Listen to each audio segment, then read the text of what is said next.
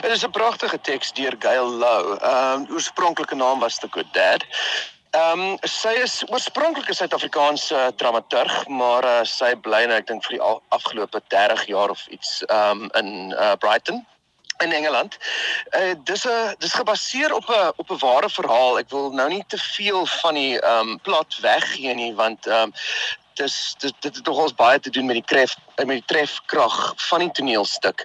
Maar dit gaan basies oor families en gesinne wat so perfek van buite af lyk, maar net agter daai geslote en toegetrekte gordyne skuil daar geheime.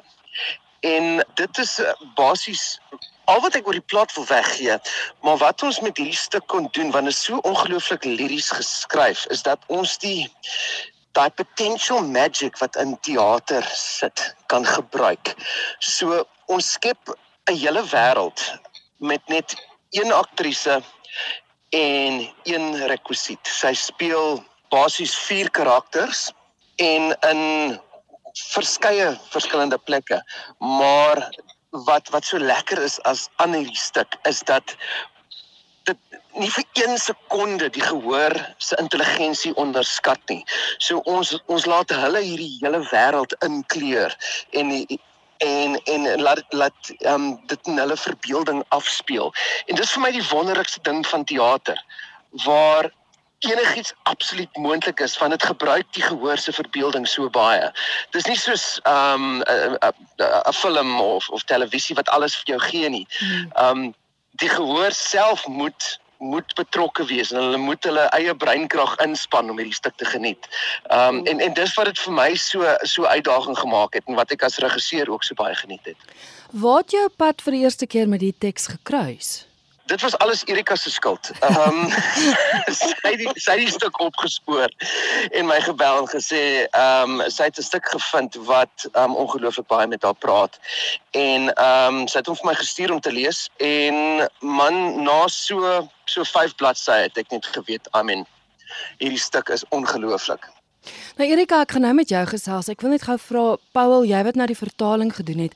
Jy het genoem dat dit hmm. 'n verskriklike liriese teks is. Dit moet geweldig ja. moeilik wees om daai daai liriese elemente behou as jy dit vertaal uit Engels na Afrikaans toe of was dit nie moeilik nie? Ek ek kry heeltemal 'n anderste gevoel. Maar weet Afrikaans is vir my een van die mooiste tale in die wêreld. Dis hmm. jy hoef net te luister na hoe 'n bergie vloek om te verstaan hoe pragtig hierdie taal vir my is. Ehm um, so toe ek uit Engels vertaal het, het die het die gevoel ehm um, natuurlik verander. Ehm um, ek het hom ook verskuif na Suid-Afrikaanse milieu toe waar hy voorheen in in Engeland afgespeel het. So jy weet ehm uh, Sondag is dit nie ehm um, roast beef en Yorkshire pudding nie, dis 'n braai. Ehm um, en en en daai daai tipe goed wat net ehm um, aanklank vind by by wie ons is en en en ons kultuur werk. Afrikaans het hierdie het hierdie trefkrag. Jy weet dis 'n dis 'n vuishou wat wat ek voel Engels nie eintlik wat definitief anders is in hmm. Engels. En ek dink daar definitief iets bygekom met die verskuiwing na Afrika, na Suid-Afrika. Ek dink ons gehore ehm um, kan ook weet baie meer aanklank vind by die stuk oor dit oor 'n wêreld gaan wat hulle so intiem ken en hulle so goed ken. Want veral vir die Afrikaner is goed soos die gesin die familie, die vader, die moeder, daai konsepte is dis amper heilige koeie. So met 'n stuk wat ehm um, daaroor gaan, ehm um, ek dink met die verskuiwing na Afrikaans toe het dit baie ander konnotasies bygekry. Ook die wêreld van godsdiens weet kom in want dit is mos so deel van van die Afrikaner gesin en ehm um, waar dit daar dit was daar in Engels. Maar skielik jy weet as hy as hy die 10 gebooie opsê in Afrikaans het dit 'n 'n 'n 'n krag.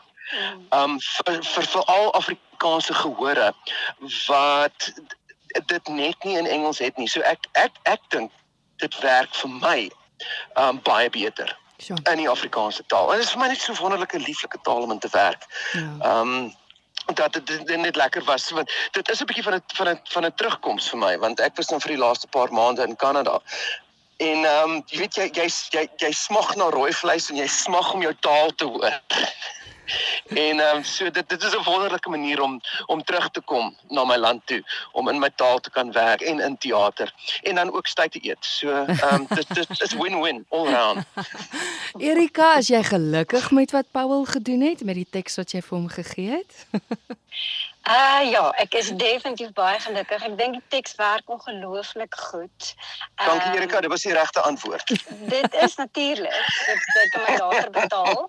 Uh maar ja, dit is dit dit, dit, werk net lekker om daai die die woorde, die sinne en dit lê so lekker in my mond vir my. Dis vir my heerlik om nou in Afrikaans te kan speel.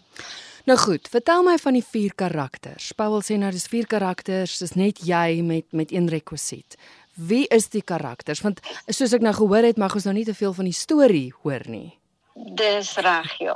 So daar's basies ja, vir my is dit eintlik 3 hoofkarakters, maar daar is 'n vierde karakter ook. So dit is die ma en dan haar twee, die ma is, is Susan en haar tweeling dogters, Diaan en Karla. So dit is vir my die drie hoofkarakters en natuurlik is die pa dan ook 'n karakter wat sy uitbeeld alhoewel hy's nie regtig 'n karakter in die storie. Dit gaan alles oor hom, die goeie pa. Hmm. Maar ehm um, vir my is dit die ma en die twee dogters wat die storie vertel. Ja, die storie word definitief gesien uit hulle perspektief uit. Hmm. Ja. En dis om, om te sien hoe 'n vaderfiguur en sy aksies verskillende uitwerkings op die drie vrouens in sy lewe het en hoe anders dit is.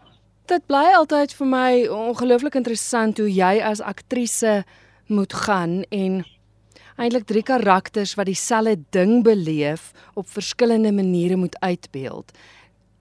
Jy bly net een aktrise. Hoe daai hoe daai proses gewerk en hoe hoe doen jy dit?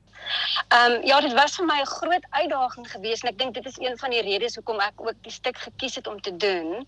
Veral om die ma te vertolk was my baie moeilik want dit was iets waarmee ek myself amper nie kon vereenselwig nie. Al is ek wel 'n ma en Paul moes vir my regtig sê maar onthou daar is iets van elke karakter van hierdie karakters in jou ook. So jy moet gaan soek om te kyk waar waarmee kan jy wel aanklank vind.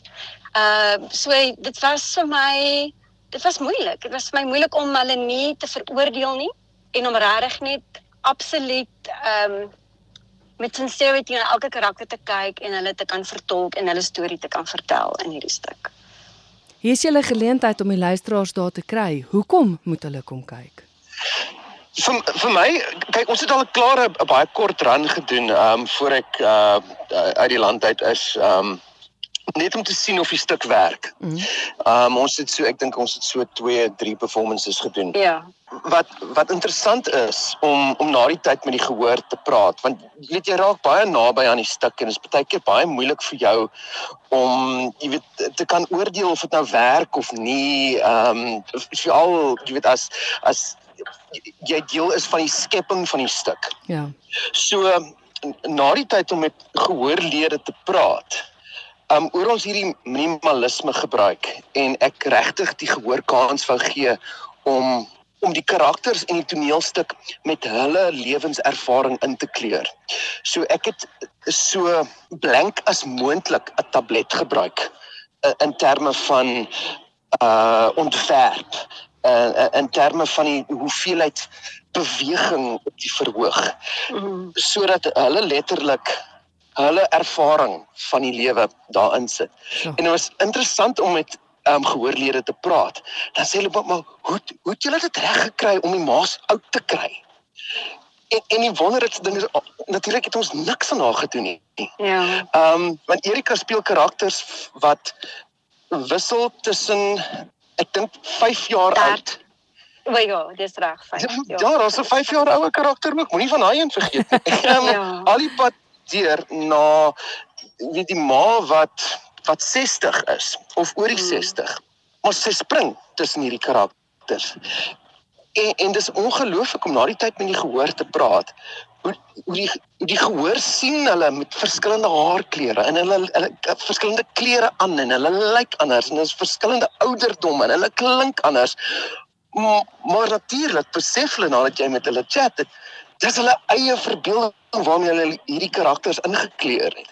Um en dit is vir my net wonderlik. Dis daardie ongelooflike ding wat gebeur as jy in 'n in 'n teater instap en die ligte gaan af en daai dat jy jou ongelowigheid heeltemal by die venster uitgooi en jy glo absoluut enigiets wat in jou toe kom. Dis die wonderlike ding. Um weet as as groot mense vergeet ons baie keer hoe om ons verbeelding te gebruik. Weet as as jy 'n kind is word enigiets absoluut enigiets so maklik. Maar dis die wonderlike ding van teater. Is ja. ons kry die geleentheid om ons verbeeldings as kinders te gebruik. En absoluut ja. enigiets is moontlik. Ja, dis baie waar. En ek wil net daarby byvoeg want ek moet sê in die begin was ek bietjie bekommerd geweest dat Paul gesê het maar daar's geen kostuumveranderinge nie. Geen ehm um, weet grimering of enige daar's net een rekwisiet soos hy gesê het. Maar ehm um, ja, ek het nodig gehad om hom te vertrou en dit is so die gehoor kan amper nie ja sien absoluut die ouderdomsverskil en kan die drie verskillende karakters baie mooi onderskei op die einde van die dag. Ja, so Dit is dalk nou 'n vreeslike vreemde vraag, maar ek is nou nuuskierig. Wat is daai een rekwisiet? Dis 'n kombers. 'n Rooi kombersie. Goed, waar is julle te sien want teen die tyd wat die onderhoud uitgaan, wel, dis 'n voorafopname want jy staan nou op die verhoog soos ek en jy gesels. Uh julle open die 28ste tot wanneer toe is julle te sien? Waar is julle te sien en hoe maak luisteraars om dit by te woon? Ons is dan van die 28ste Junie tot die 3de Julie by The Drama Factory in die Strand. Ons het um, vertonings elke aand van Dinsdag deur tot Saterdag aand om 7:30 En dan is daar ook middagvertonings woensdagmiddag en saterdagmiddag om 3:30 en sonndagmiddag om 4 namiddag.